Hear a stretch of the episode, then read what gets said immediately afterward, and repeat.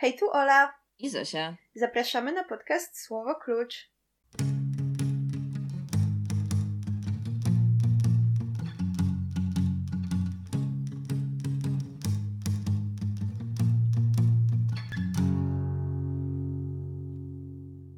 W dzisiejszym odcinku zrobimy wszystko trochę inaczej. Jest to odcinek specjalny, więc e, na czym to będzie polegało? Odcinek specjalny będzie polegał na tym, że nie mamy jakiejś konkretnej jednej książki, którą wspólnie przeczytałyśmy w celu przedstawienia Wam jej w podcaście, tylko każda z nas będzie opowiadała o książce, którą ostatnio przeczytała, tak niezależnie od programu, ale mimo wszystko czuję palącą potrzebę podzielenia się ze światem, z naszymi słuchaczami, wrażeniami, tym, co z jej duszą zrobiła ta lektura. E, I Zosiu, oddaję Ci głos. O czym będziesz mówiła? Bo zdradzę Wam, ja jeszcze nie wiem, o czym Zosia będzie mówiła. Tak, i ja muszę się od razu na starcie przyznać, że trochę nagięłam nasze założone zasady. W sensie opowiem o książkach, których nie czytałam ostatnio, tylko bardzo, bardzo, bardzo, bardzo dawno temu. Ale chciałam o nich opowiedzieć i trochę powspominać, trochę je polecić a mianowicie chciałam powiedzieć o dwóch seriach książek dla tak zwanej młodzieży, nie bójmy się tego słowa, których po prostu zaczytywałam się jako dziecko i mam z nimi bardzo dobre wspomnienia i wydaje mi się, że they hold up i, i wciąż są dobre. E, więc o, te dwie serie to Harry Potter i Muminki. nie no, żartuję, e, to by było trochę zabawne. E, ale chciałam właśnie powiedzieć o seriach, które nie są nieznane, ale tak jeszcze mi się nie zdarzyło rozmawiać o nich z nikim, jakby odkąd byłam dzieckiem. W sensie tak nie, nigdy nie, nie, nie słyszałam, żeby jakiś mój znajomy z otoczenia też je czytał. Nigdy nie widziałam żadnych postów w internecie typu Omega, kto pamięta tę książkę. E, więc wydaje mi się, że może. W ogóle gdzie znajdujesz jakby... posty w internecie, kto pamięta tę książkę? No nie Pamiętam, wiem, kto jakimś... pamięta bajki z Disney Channel, ale książka? No nie wiem, no w sumie nie wiem, nie wiem czy widziałam, masz rację. nie no, wydaje mi się, że widziałam jakieś to był, o Jezu, pamiętacie jakie Igrzyska Śmierci były mroczne, czy coś w tym stylu, no wiesz, jakby tak, coś hmm. takiego, I guess. No to te, te serie nie są w ogóle na tym samym poziomie sławy, ale no absolutnie nie są niszowe okay, okay. i jestem ciekawa, czy nasi słuchacze też na przykład o nich słyszeli, albo czy ty w ogóle o nich słyszałaś, bo e, zdradźmy te tytuły. E, seria numer jeden to seria o rodzinie Penderwicków Olu, czy kojarzysz ją? Tylko tę nazwę. Okej. Okay. O, ale to już coś. To już coś. I seria numer dwa to seria miętowa Ewy Nowak. E, to na pewno książek. czytałam, ale nie pamiętam, co się tam nice. dzieje, ale na 100% to czytałam. Okej, okay, widzisz, wydaje mi się, że ona mogła być naprawdę popularna w Polsce, tylko że ja po prostu nigdy nie rozmawiałam o niej z nikim, więc nie mam takiego wrażenia, że wszyscy inni też to czytali, ale jeśli to okej, okay, Ja, ja w ogóle no, ostatnio myślałam o tej, o tej Ewie Nowak. Ona miała jakąś książkę o fankach Witch. W sensie ona miała jakąś taką krótką tak, powieść to, skierowaną to. dla fanek Witch, o fankach Witch i to jest dla mnie takie jakieś szalone, że to powstało i i to była taka. I one tam, te dziewczyny robiły jakieś zaklęcia, które pamiętały z komiksów Witch. I to było tak bardzo można się było utożsamiać, bo robiłeś to samo, ale to jest takie przezabawne, że taka pozycja powstała. Jakby mam nadzieję, że powstają teraz książki o fanach Minecrafta albo coś. No, tak jak teraz o tym myślę, to rzeczywiście jest dosyć śmieszne, że to powstało, ale wtedy jak to czytałam, jak byłam mała, to, to było tak absolutnie naturalne i oczywiste. Good for her. Nie, Ewa Nowak była moją boginią, ale chciałabym zacząć od serii o rodzinie Penderwicków która teraz jak ją googlowałam, żeby sprawdzić ile było tomów, bla bla bla, to e, w ogóle był jakiś film, ona chyba jest, była w Ameryce bardzo popularna, a w Polsce I guess może mniej, no nie wiem, nieważne. W każdym razie e, chciałam ją przypomnieć. W ogóle tak, taka mała dygresja, ale mam wrażenie, że jest taki ogrom teraz literatury dziecięcej tak. i coraz mniej widzę na półkach E, jakby tych samych tytułów. Tak. Co roku, tylko one znikają i od razu są nowe. I potem znikają i potem znowu są nowe. I tak, takie po prostu, taka, taka refleksja. Nie mówię, że to dobrze czy źle, ale no, taka refleksja. Um, ale fajnie, fajnie by było zachować jakąś ciągłość międzypokoleniową literatury dziecięcej. Jakby coś, coś oprócz dzieci z guess, i Muminków. E, dobra. Seria o rodzinie Penderwicków, bo może ktoś ma 15 lat, albo 10 lat, albo zna kogoś, kto ma 10 lat. E, I moim zdaniem to jest idealny właśnie wiek na przeczytanie tej książki, bo opowiada ona o rodzinie składającej się e, z ojca, który jest roztrzepany i jest bardzo kochający, ale jest zapominalski i jest profesorem botaniki na jakimś uniwersytecie. E, wszystko się dzieje w Ameryce. I o jego czterech córkach, których mama zmarła, więc no jest tylko ten ojciec i, i te cztery siostry. I najstarsza z tych sióstr w pierwszej części serii ma 12 lat. E, I ja pamiętam, że jak czytałam to jako tak 9-10-latka, I guess, to ona wydawała mi się taka mega dorosła. Więc, y, no ale wiadomo, tak, no, że teraz to, że miała 12 lat jest dla mnie takie bardzo szalone, bo ona tak zachowywała się, robiła takie dorosłe rzeczy, ale miała 12 lat, nie wiem, to było dziwne. W każdym razie e, idealny wiek moim zdaniem to minus 12 lat, w sensie mniej niż 12 lat. Ale ta seria była taka strasznie fajna po prostu. Ona, ja czytałam dwie części. E, ogólnie było pięć tomów, ale ja miałam tylko dwa i z tego co widzę, tylko dwa zostały przetłumaczone na polski, bo wydała te dwa pierwsze tomy nasza księgarnia w 2007 i 2008 roku i tłumaczyła je Hanna Baltyn-Karpińska. I w pierwszej części rodzina Penderwicków e, przyjeżdża na wakacje do takiego wielkiego, nie inaczej, przyjeżdża do takiego małego domku obok takiej wielkiej willi.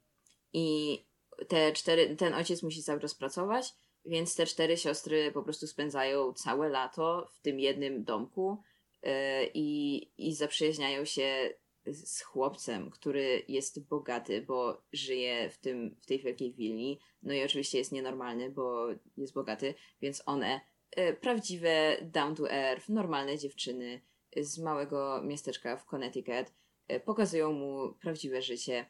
I jest drama, jest romans, są przygody, jest pogoń Y, byka za naszymi bohaterami. Jakby tam jest, tam się tyle fajnego działo i było to bardzo takie nie wiem, było, cała ta książka była przesycona taką ciepłą po prostu atmosferą i, i miłością i fajnie, fajnie były opisane te siostry z tego co pamiętam, że każda miała tak wyraźnie zarysowaną osobowość, no tak trochę w stylu małych kobietek, no ale mniej to było mniej takie ckliwe E, znaczy ja bardzo lubię małe kobietki, no ale to, tak, no się zestarzały się dosyć mocno, a moim zdaniem.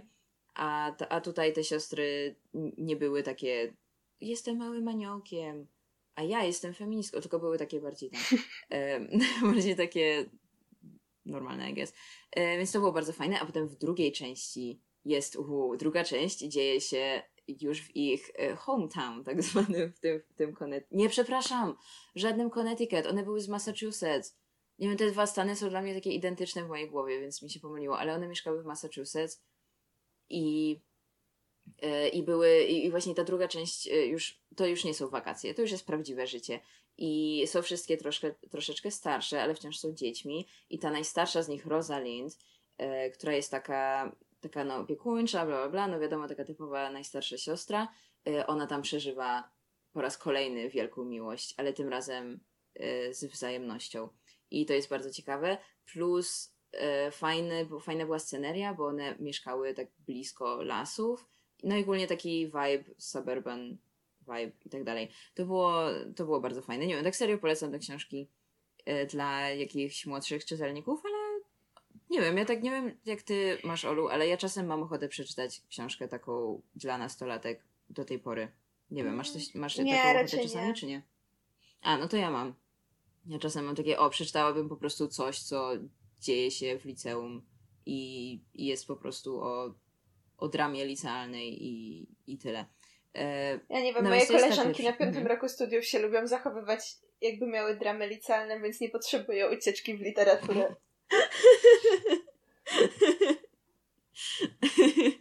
Możesz y, zacząć czytać je i, i wiesz, i szukać I będę wiedziała jakichś celnych ripost. Tak, typu... będę wiedziała, jak sobie z nimi radzić. Ale problem jest taki, że właśnie myślę, że one są książkarami i po prostu. Ale sobie to nie jest problem, bo wtedy Mm, nie, no bo one pewnie się zachowują wtedy jak bohaterki takiej książki, jeśli są rzeczywiście książkarami.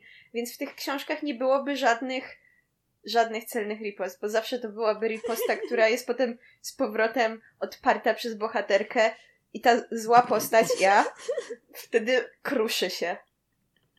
A no tak, to prawda, bo ty, ty im powiesz, spadajcie na drzewo, a one ci odpowiedzą, e, drzewa są piękne, bo coś tam nie, nie pamiętam, jak to szło.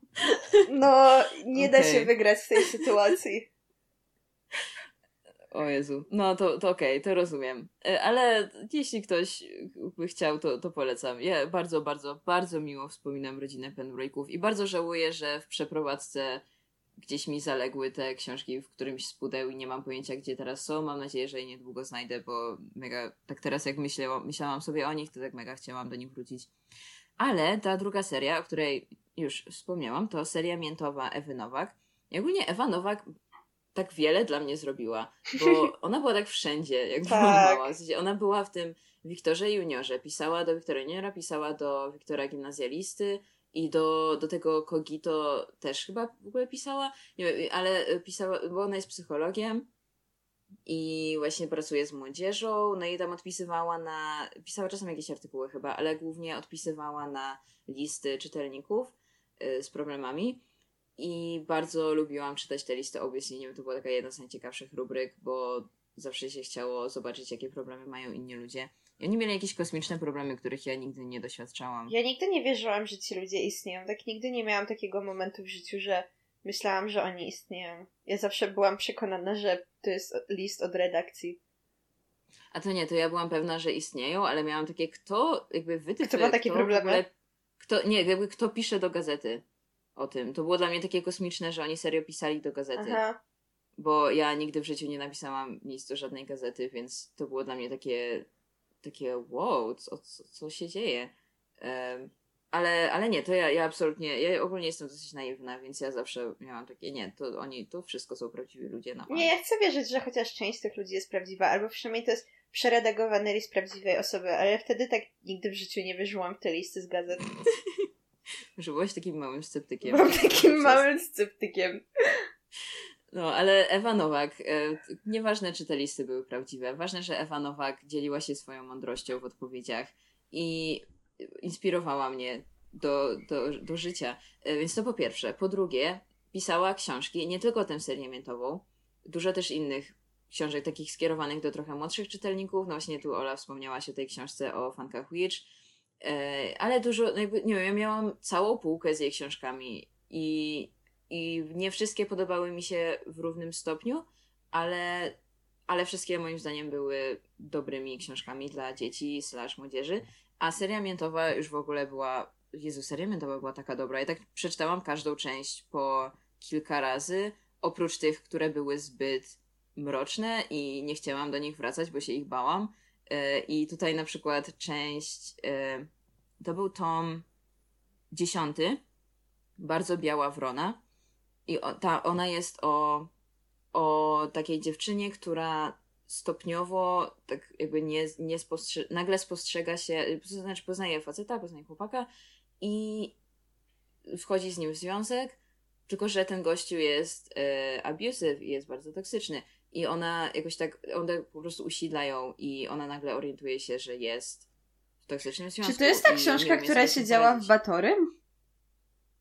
Nie, jaka niby książka się działa? Ona miała jedną książkę, która się działa w Batorym, że ta główna bohaterka była w pierwszej klasie i się zakochała w maturzyście, ale właśnie on był jakiś przemocowy. W Batorym? Przyrzekam, może to nie była Ewa Nowak, ale to był ktoś, kto brzmiał totalnie jak Ewa Nowak. Ja to, jestem, ja ci obiecuję, że była taka książka. Ale ja czytałam te książki tak w, gim, y, w sensie nie, w gimnazjum już nie, tylko właśnie w podstawówce. No same, potem, same. Ja pamiętam ale to tak potem, z piątej klasy czy z szóstej, jak już ale wiedziałam, że istnieje bank... Batory. No okej, okay, no ale na bank jakbym poszła dwa lata później do, do Batorego, to bym pamiętała, że że czytałam książkę, która działa się... Czekaj, bardzo biała. Dlatego może to nie była Ewa Nowak, ale to był tak totalnie ten styl Ewy Nowak. Okej, okay, dobra. Więc w mojej głowie znaczy... dlatego to zostało, że to ona była autorką i jeszcze to, co opowiada, opowiadałeś brzmi do, dosłownie jak tam ta książka, więc dlatego pomyślałam, o, to pewnie to. I to mi teraz tak nie da spokoju. W sensie, bo ja nie przyrzekam, że no głowy nie dam, że bardzo biała wrona nie działa się w Batorym, ale po prostu to by mnie tak bardzo poważnie zszokowało, że nigdy tego nie ogarnęłam sama. To musimy to ustalić, Ola, wiesz, bo tutaj jak, jak po prostu wyszukuję bardzo biała wrona Batory, no to opisy nic nie wyskakuje. Nie ma tego. Ale, hmm. e, ale no to nie zna, to nie, nie przesądza sprawy, więc musimy musi, nie, my musimy to, to ustalić, bo to mi nie da spokoju teraz. ale okej, okay, dobra, no to y, damy znać wam, drodzy słuchacze, jak już to ustalimy w następnym odcinku, lol. Okej, okay. No ale bardzo biała wrona, no to właśnie ona była taka bardzo bardzo biała, e, była bardzo po prostu straszna dla mnie, bo to było takie przerażające, ten, ten opis tego związku, jakby, a, to, a, e, w sensie, no jakby opis tego związku, po prostu te rzeczy, które on robił. I pamiętam zwłaszcza taką scenę, w której ta bohaterka e, siedzi, się wraca, jest sama w domu i chce po prostu pouczyć się, poodrabiać lekcje, ale musi to ukrywać, to, że jest w domu przed tym swoim chłopakiem, bo wie, że on po prostu wpadnie w szał, jeżeli yy, i zacznie jej zarzucać, że, że nie chce z nim spędzać czasu i tak dalej. I więc ona gasi wszystkie światła w całym domu i zamyka się w łazience z podręcznikami, żeby on, bo wie, że on czasami wystaje pod jej oknami, żeby sprawdzić, czy właśnie czy jest w domu, czy mu nie kłamie i tak dalej. Yy, więc uczy się zamknięta w łazience, żeby nie było widać światła z okna. Jakby wytyfy, to było takie straszne. No więc to była jedna z tych części. I, I, druga, taka, która mi zapadła mocno w pamięć, to Ogon Kici. I o to właśnie mi chodzi, że ta Ewa Nowak poruszała takie bardzo ważne problemy, ale w taki sposób, e, no nie taki nachalny. W sensie, ona jakoś tak bardzo e, zręcznie po prostu opowiadała, wplatała te takie bardzo poważne sprawy te powieści młodzieżowe. Na przykład Ogon Kici jest o licealistce, która jest harcerką i jeździ na obozy harcerskie i poznaje dorosłego faceta, który, no takiego, nie wiem, 40 parę lat chyba miał, który jest jakimś tam opiekunem harcerstwa, coś tam, nie wiem, nie wiem jak działa harcerstwo, ale e, w każdym razie on jest tym takim, tym dorosłym na tych obozach i ona zakochuje się w nim, tak na, na, na, na zabój. E, I on zaczyna i on jakby, i oni zaczynają taki trochę niby związek, coś tam, w sensie no obviously to jest mega creepy i, no ale jest to coś, co się, pamiętam, że jak czytałam to w podstawówce, to w ogóle nie miałam takich reakcji, no nie jakby obviously nie miałam takiego, Boże, co za creepol, tylko miałam takie wow, to jest taka nieszczęśliwa miłość, to jest takie, to jest takie straszne, że ona się w nim zakochała. No, pamiętam tę książkę, e... to było, no, no. Co nie? Boże, co za to... heroina tragiczna. No, a, a i, i to jest, no nie wiem, ona świetnie, świetnie to pisze. Widać, że psycholog. Um, I bardzo, ale bardzo lubiłam też takie lżejsze części, w których nie było aż takich poważnych problemów typu przemocowy związek albo pedofilia. Na przykład Krzywe 10, e, czyli trzecia część serii, gdzie po prostu grupa znajomych siedzi sobie na działce na jakiejś wsi razem i są dramy miłosne, ale no nic takiego, wiesz, po prostu się y, sympatie młodych i tak dalej. Albo Lawenda w chodakach, e, to ona była fajna, o, o dwóch parach, które znamy już z poprzednich części, e, którzy wyjeżdżają sobie razem w podróż po, po Europie e, pod, namioty, pod namiotem, czy tam do Francji pod namiotem, tylko no nieważne. W każdym razie bardzo mi się zawsze podobało to, że ja strasznie lubiłam, jak byłam mała, te serie, w których jakby niby każda część jest osobna, ale przewijają się między częściami te same postacie i nagle się dowiadujemy, że bohater nowej części jest y, bratem postaci z poprzedniej książki, czy coś w tym stylu. To, to mnie zawsze tak bardzo jarało.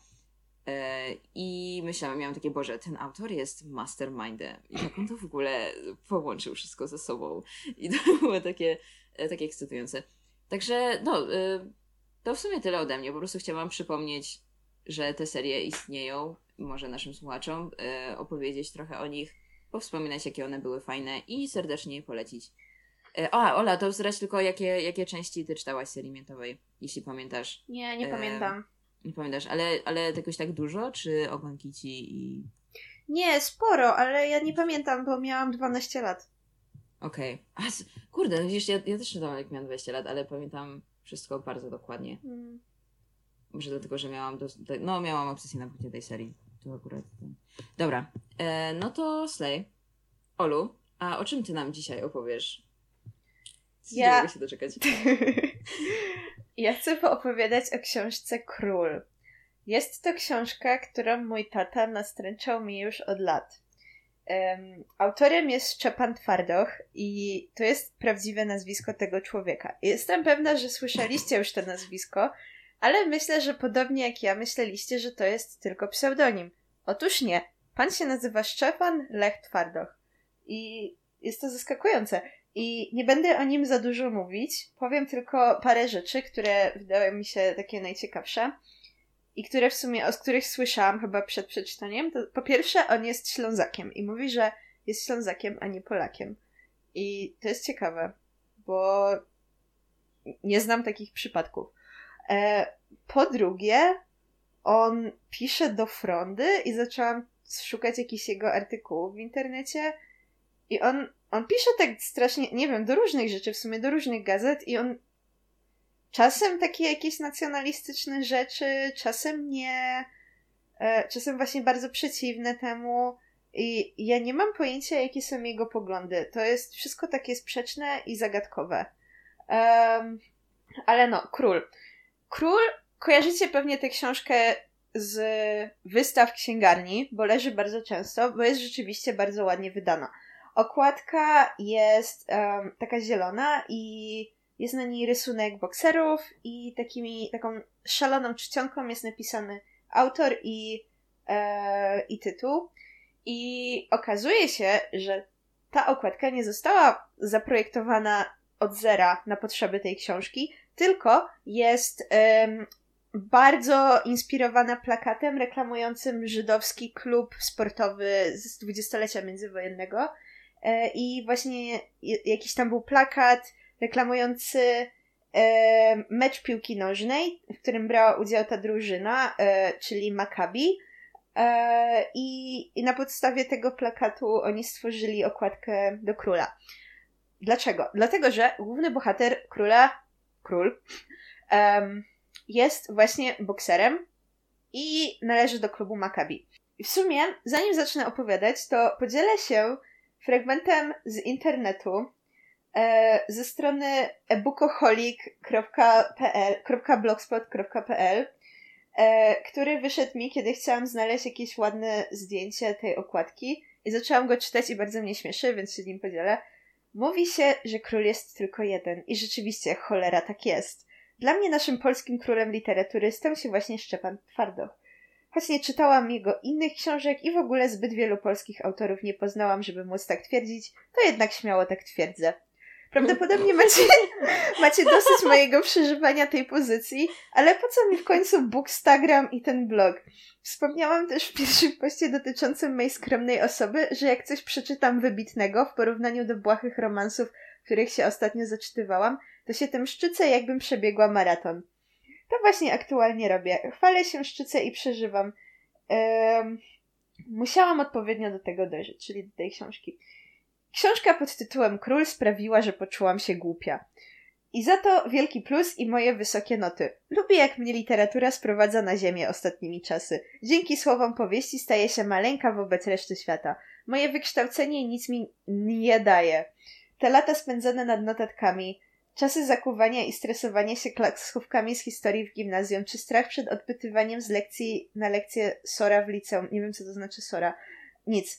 E, nic mi to nie daje teraz, kiedy czytam książkę o środowisku żydowskim, o naszej Warszawie w latach międzywojennych, gdy zaczynam się zastanawiać, ile z tego, co autor przedstawia, jest prawdą, a ile totalną e, fikcją, no bo w końcu to powieść. Zaczynam intensywnie myśleć, robię rozeznanie, podpytuję tatę, dziadka, wujka Google, po prostu myślę, nic nie wiem, nic nie umiem. I to jest takie smutne. Co za e,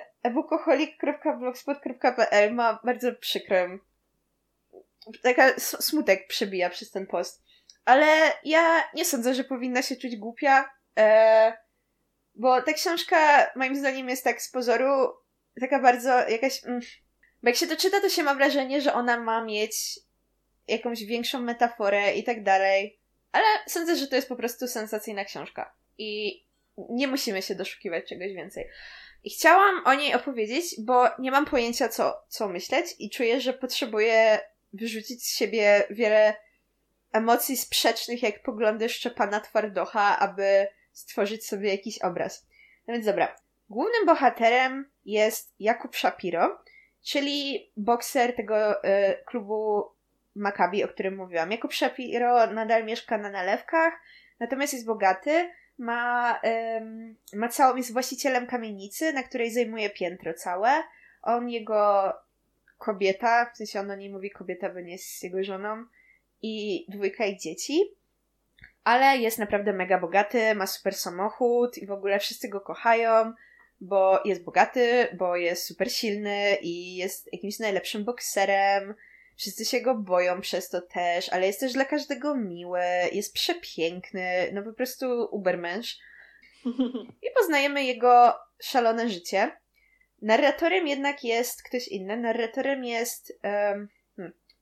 Ta historia jest opowiedziana z perspektywy wielu, wielu lat, bo dzieje się w roku 37 w Warszawie, a opowiada nam to te wspomnienia swoje narrator e, mieszkający w Izraelu w 80 którymś roku.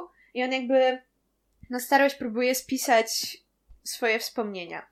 Z czasem, kiedy i, ten, i narratorem jest e, Mojżesz Bernstein, czyli typ, którego ojciec został zamordowany przez Shapiro właśnie w tym 37 roku, kiedy zaczyna się powieść. Bo chodzi o to, że Jakub Shapiro, poza tym, że jest bokserem, jest też przede wszystkim przestępcą. On jest jednym z najważniejszych jakby gangsterów swojego środowiska, w sensie tej żydowskiej Warszawy. E, I książka w dużej mierze opiera się na takiej wojnie gangów, tego właśnie żydowskiego, do którego należy Shapiro, z gangiem związanym z polskimi nacjonalistami, e, ONR-em i tak dalej. No i to jest taka, no jakby w tej książce jest bardzo dużo przemocy. Oni się tak ciągle po prostu napierdalają i, i w którymś momencie miałam już naprawdę mega dość po prostu przewijającej się świętej trójcy tej powieści. Na każdej stronie mamy po prostu mordy, dziwki, kokainę. To, jest, to są trzy słowa, które się znajdują na każdej stronie. Na każdej jednej. I, i tak już miałam tego dość, bo jakby to mnie tak denerwuje, bo na początku czytam i wydaje mi się, że to jest jakby no specjalna, e, nie wiem, że to właśnie ma być jakaś symbolika czy coś tam, że błahe, jakieś próżne życie i tak dalej. Nie, to, tak jak mówiłam, to jest po prostu sensacyjna książka i jakbym szybciej to zaakceptowała, że to jest po prostu książka o kryminalistach, gdzie się bardzo dużo dzieje i gdzie oni ciągle chodzą z tego burdelu i tak dalej, no to bym o niej trochę inaczej myślała, a nie starała się doszukać głębi, bo łatwo jest wpaść w tą pułapkę, dlatego że on naprawdę dobrze pisze. On jest naprawdę zdolnym pisarzem i sądzę, że ta książka była bardzo przemyślana, to znaczy mm, na przykład jej struktura, bo jakoś tak w połowie książki, bliżej końca, okazuje się, że tak naprawdę to nie ten Mojżesz Bernstein e, jest narratorem, tylko sam Shapiro. I to jest w bardzo ciekawy sposób ujawnione, e, że mm, to, że on po prostu jest nękany nadal przez te wspomnienia z tego swojego życia i tak dalej. E, I to jest bardzo fajne. Natomiast przez to też to, to nas prowadzi do rzeczy, która mi się najmniej podobała w całym tym królu, czyli zakończenia. Bo tak jak czyta, to jest długa książka dosyć, ale nie aż tak. To znaczy, mm, długa. Ona, ona jest taka duża, ale ona w sumie nie miała nawet 300 stron. Odwołuję te słowa. To jest krótka książka. To jest krótka książka, ale dużo się w niej dzieje. E, I przez to, że ciągle skaczemy z tego Izraela w latach 80. do Warszawy w latach 30., to tak to się rozciąga. Natomiast książka kończy się tym, że właśnie tak naprawdę Shapiro ma po prostu jakieś problemy psychiczne i dlatego mu się nagle wydaje, że jest kimś innym. A tak naprawdę jest tym Jakubem Shapiro, który wcale nie wyjechał tak jak planował i tak jak przez całą książkę się dowiadujemy do Izraela, tylko został w Warszawie, a jego rodzina została wymordowana w trakcie wojny. Jemu się udało przez to, że był taki bogaty, popularny i tak dalej, uciec, na stronę aryjską i się ukrywać w trakcie wojny. I, I to było słabe, dlatego że to, co fajne jest w tym, w tym królu, to to, jak obrazowana jest ta żydowska Warszawa, no i nie wiem na ile to jest prawdziwe. To znaczy, na ile rzeczywiście, no bo to tak, jak, jak to czytasz, to jesteś naprawdę po prostu zachwycona, że to, to sprawia wrażenie jakiegoś takiego Izraela, e, Izraela, jakiegoś takiego, nie wiem, Stambułu na przykład, że naprawdę jest tak europejsko, azjatycko, ciągle masz jakieś nazwy przypraw, czy coś tam. E, I ten, ten świat jest po prostu taki barwny i taki dotykalny. I ja nie wiem na ile to jest prawda, ale w każdym razie bardzo mi się to podoba. Bardzo mi się podoba to, jak jest y, bardzo dużo informacji o różnych organizacjach żydowskich, właśnie o różnych klubach sportowych, różnych inicjatywach artystycznych i tak dalej. E, jest bardzo opisana szczegółowo geografia i różne jakieś konkretne budynki, e, w których były jakieś ciekawe żydowskie interesy. I to jest fajne, bo to pokazuje po prostu jakieś bogactwo kultury i ciekawą historię, a nie tylko po prostu Polak, który napisał książkę o Żydach, którzy są ofiarami wojny. Więc podobało mi się to, że to jest jakiś. Nie tylko obrazuje tych Żydów jako po prostu jakieś ofiary, tylko jako kulturę. No a potem to zakończył tym, że jednak prawie wszyscy ci bohaterowie umarli na tej wojnie i uważam, że to było niepotrzebne. Sądzę, że nie trzeba było tak, tego tak melodramatycznie kończyć i lepiej było po prostu. No bo ta książka nawet ma drugą część, więc ewidentnie nie tylko mnie brakowało jakiejś kontynuacji poznania tego świata, bo druga część też się dzieje w Warszawie przed wojną i Jakub Shapiro nadal jest bohaterem. Więc nie rozumiem, po co to tak, tak e, banalnie kończyć, że no tutaj poznaliście życie i wspaniałe przygody naszych bohaterów i było to ciekawe, ci bohaterowie byli wielowymiarowi, byli dosłownie przestępcami, E, a teraz nagle po prostu tak, macie tutaj Holokaust i tyle. No jakby to, to, to jest takie absolutnie nie pasuje do tego szybkiego tempa i tego szalonego świata przedstawionego w tej, w tej powieści. To nie robi absolutnie takiego jakiegokolwiek wrażenia emocjonalnego, że Boże, ale to jest tragiczne, że ten świat się skończył przez ten, przez ten finish. To, to w żaden sposób nie podkreśla tego, co się dzieje wcześniej. Nie, nie robi to na czytelniku, moim zdaniem, za, za, żadnego wrażenia, tylko po prostu jest takie jakieś antyklimatyczne. E, I uważam, że to jest, że on to trochę skrzanił w ten sposób to kończąc. E, no ale jakby jego decyzja, whatever. W każdym razie ten świat jest taki.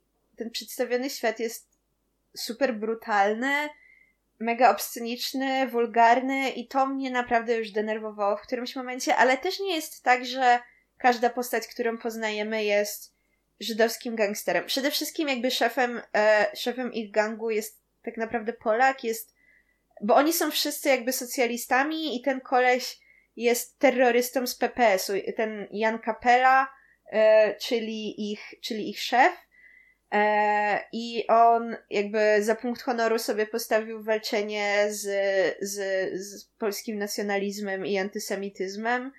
E, no i sformował ten gang i tak dalej. I, no i mamy tam dużo informacji o tym. No i oni też jakby sami podejmują różne działania. Nie jest tak, że on ich do wszystkiego kieruje, ale no o, o tym wspominam dlatego, żeby powiedzieć, że to też, też mamy polskich bohaterów w tej książce. Większość z nich to są właśnie te jakieś antysemickie bojówki, ale nie każdy. Znaczy ten Jan Kapela jest okropną osobą, on jest tragiczny, ale jakby on...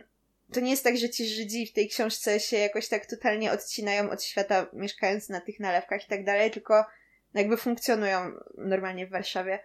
Um, no i mamy tam różne epizody, po prostu takie ciemne, ciemne strony historii polskiego narodu. Na przykład getto ławkowe jest dosyć e, intensywnie opisane, bo młodszy brat Jakuba Shapiro jest studentem na Uniwersytecie Warszawskim i właśnie doświadcza tego getta ławkowego, więc Shapiro organizuje akcje z tymi innymi ludźmi z gangu.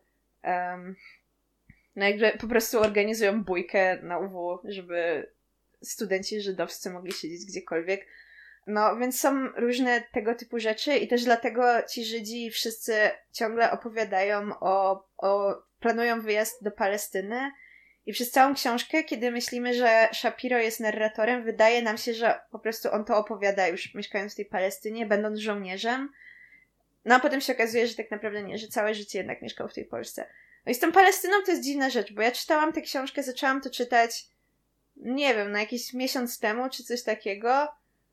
E, a potem, a potem Izrael zintensyfikował ludobójstwo w Palestynie i potem Szczepan Twardoch napisał ostatnio jakiegoś dziwnego tweeta, że takiego właśnie anty, antypalestyńskiego i to mi się tak nie spodobało, bo jak czytałam właśnie to, to się zastanawiałam, jakie, jakie jest jego podejście do Palestyny, bo on ewidentnie bardzo jest taki prożydowski w tej książce, natomiast kiedy bardzo jest dużo mówione o Palestynie, w ogóle jakby nie, nie ma jakiejś refleksji od narratora tego, że oni chcą pojechać, wiedzą, że będą na jakiejś.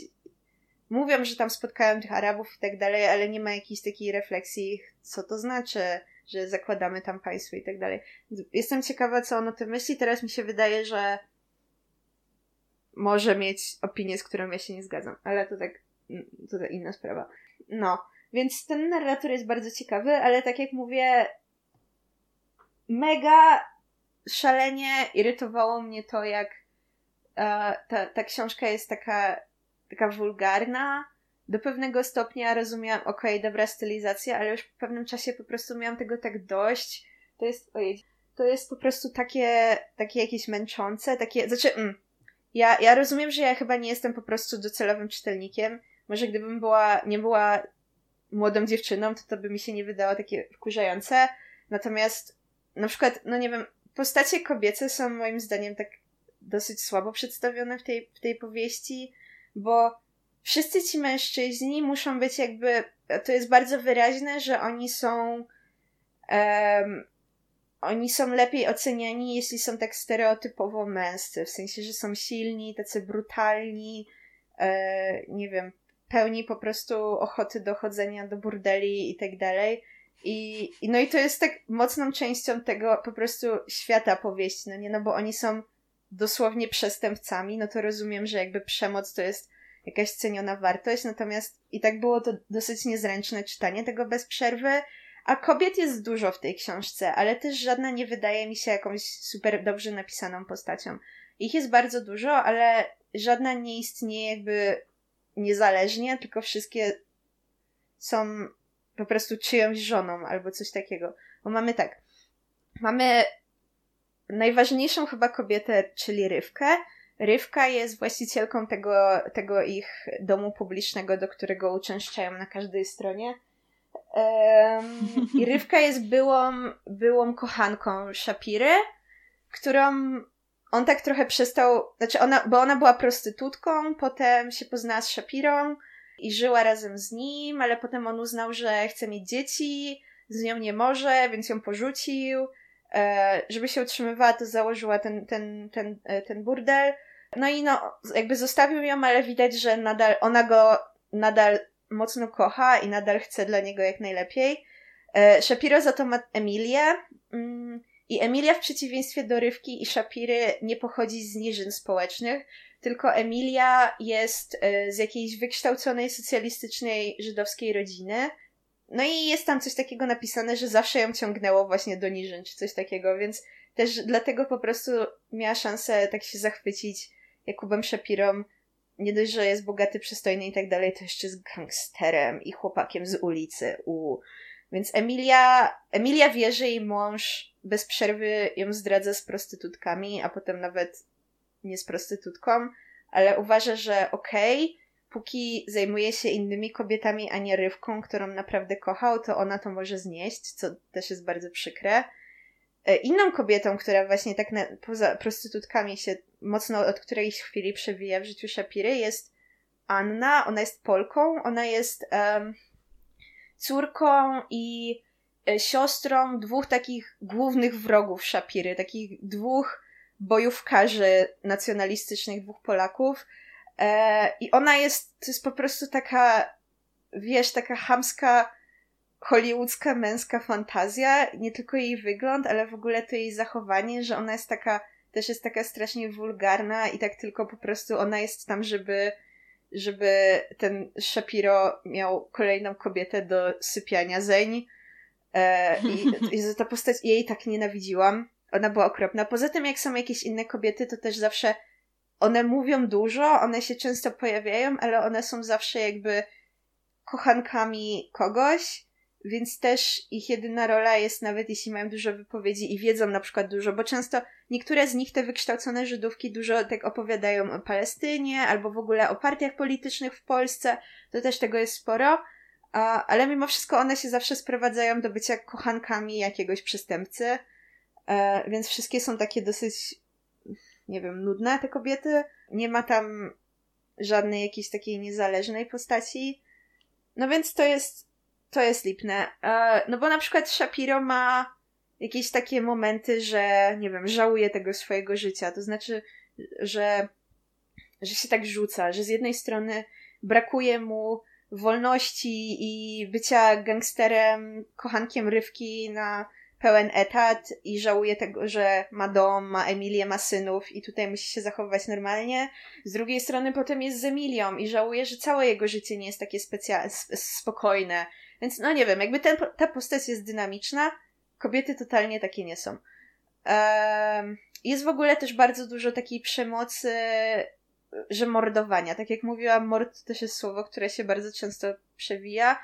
Oni uwielbiają się wzajemnie zabijać wszyscy i to tak brutalnie, że najczęściej obcinają swoim ofiarom genitalia, co też tak jakby za każdym razem to było takie ohydne to czytać. No ale, no dobra, whatever. No i, hmm. No i nie wiem, co myśleć o tej książce. Ona jest ewidentnie doceniona, bo Pamiętam, że parę lat temu w Teatrze Polskim był spektakl na podstawie tego króla. Dowiedziałam się też teraz, jak skończyłam to czytać, że, um, że jest serial na podstawie, na podstawie e, tej książki, więc ona jest popularna, ale też jest jakby tak, no właśnie no to, że to było w teatrze, miała adaptację, no to pewnie się wielu różnym ludziom podoba. Um, ale ja w sumie nadal tyle się nagadałam i nie wiem, co o tym myśleć, bo z jednej strony uważam, że jest bardzo dobrze napisana i chętnie sięgnę po jeszcze jakąś książkę tego twardocha, ale z drugiej strony mam nadzieję, że ona już nie będzie taka, nie wiem, taka męska, bo po prostu czułam się tak trochę czasami obrzydzona tym, co tam czytam. Yy, ale o, jeszcze wiem, co powiem. Ciekawe jest też to, że tam jest dużo dialogów widysz, zapisanych tak, jak się wymawia te słowa, więc też dodatkowy jakiś wysiłek ten facet musiał zrobić, żeby spotkać, no nie, znaczy nie wiem, może mówi widysz, whatever, no ale jeśli nie mówi, no to musiał jednak znaleźć kogoś i słuchać jak ta osoba mówi, albo mieć tą osobę zapisującą mu wymowę swojego języka, bo nie mógł po prostu wziąć ze słownika czy z internetu przetłumaczyć tych tekstów, tylko naprawdę jest tak, jak oni to wymawiali. Więc to jest ciekawe. I właśnie mój tata mi mówi, że jak on jest tym, on jest Ślązakiem, to on pisze, większość z tych jego książek się dzieje na Śląsku, albo postacie są Ślązakami i też jest dużo dialogów po Śląsku. I jak sprawdzałam w ogóle te, tego faceta w internecie, to on też pisze czasem całe teksty tylko po śląsku. Nie, że postacie mają wypowiedzi, tylko są całe jakby jego prace tylko po śląsku. Więc to jest fajne. Zawsze jak ktoś dba o swój mm -hmm. język, to jest bardzo takie pozytywne. Mm -hmm. No ale no, głównie mi się w tym królu podobało na pewno to, że no ja nie wiem, ja tak jakoś niespecjalnie dbam o historię Warszawy. Jeszcze, jeszcze się nie czuję lokalną patriotką.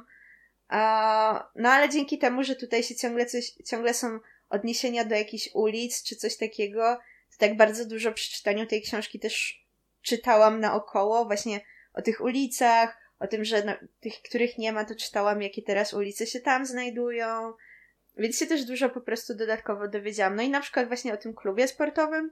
To też było bardzo interesujące. No, tylko mam nadzieję, że inne jego książki nie będą takie takie strasznie przemocowe. Właśnie, Olu, nie wierzę, że przez cały twój opis nie pojawiło się ani razu dwa kluczowe słowa. To będzie słowo klucz w takim razie, ale możesz ty je wypowiedzieć. Moje słowo klucz to będzie daje ci ten, daje ci pozwolenie. Bo Ola, kiedy mi opowiedziała po raz pierwszy, że czyta Króla, to po prostu powiedziała tak, hmm, to jest taka samcza książka. Ona jest taka jurna. I od tamtej pory myślę o tym średnio co dwa dni. Jak nie mogę, po prostu to mnie tak zachwyciło. Nigdy wcześniej nie, nikt nie opisał mi książki jako samcza i jurna. I to było takie dobre. Powiedz proszę, które z tych dwóch słów wybierasz. Chcę obydwa. Ta książka jest, jest samcza i jurna. To, są, to jest moje słowo klucz, moje słowa klucze.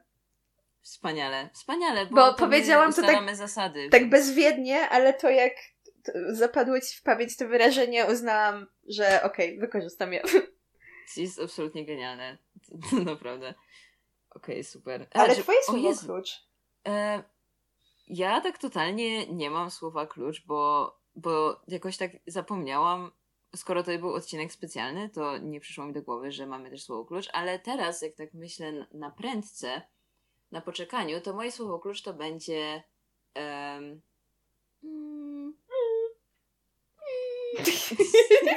Nowak. Nie, dobra, może nie. E, nie wiem, tak jedyne co mi przychodzi do głowy to wspomnienia, ale chyba, co brzmi tak banalnie, ale chyba to zostawię, bo banalne, ale prawdziwe. Tak, nie więc... bójmy się, nie bójmy się banałów. Nie bójmy się tego, tak. No. Fajnie to był odcinek. Musimy kiedyś jeszcze zrobić. Robić kolejny specjalny odcinek.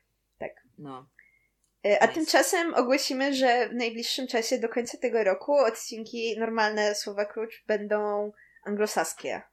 Rozpoczynamy cykl od sasa do anglosasa. To jest nasz tytuł. tak, dokładnie. Tak się złożyło i tak będzie. Fajne książki mamy. Fajne książki mamy. Anglosaskie. No, a od nowego roku y, anty, będą antyanglosaskie. Więc dla każdego coś miłego. Dobra, to tyle na dzisiaj. Mamy nadzieję, że ten nietypowy odcinek spodobał Wam się. I o Jezu, ja jeszcze przy okazji muszę pozdrowić e, słuchaczy odcinku o chłopcach z placu broni. Bo na Spotify'u, tak. jeśli nie słuchacie na Spotify'u podcastu, to w sensie nie, nie mówię, że róbcie to, ale tak was poinformuję, że tam są, tam można dawać komentarze. I ja od paru dni jestem największą fanką sekcji komentarzy pod odcinkiem Chłopcy z Placu Broni, bo tam co jakiś czas jakiś dzieciak pisze, że on tego słucha, bo ma jutro kartkówkę e, i jest 23, a ja tego słucham, bo mam jutro sprawdzian, a potem następny dzieciak pisze innego dnia Boże, ja mam z tego dzisiaj sprawdzian, e, muszę tego szybko posłuchać. I tak jest już tak z pięć tych komentarzy i to mnie tak zachwyca. To jest mój ulubiony internetowy wątek. Cieszę się, ja po prostu się cieszę, że przysługujemy się tak, społeczeństwu tak. w jakiś sposób. no, to jest urocze. Dobra. E, no to tyle na dzisiaj i do usłyszenia!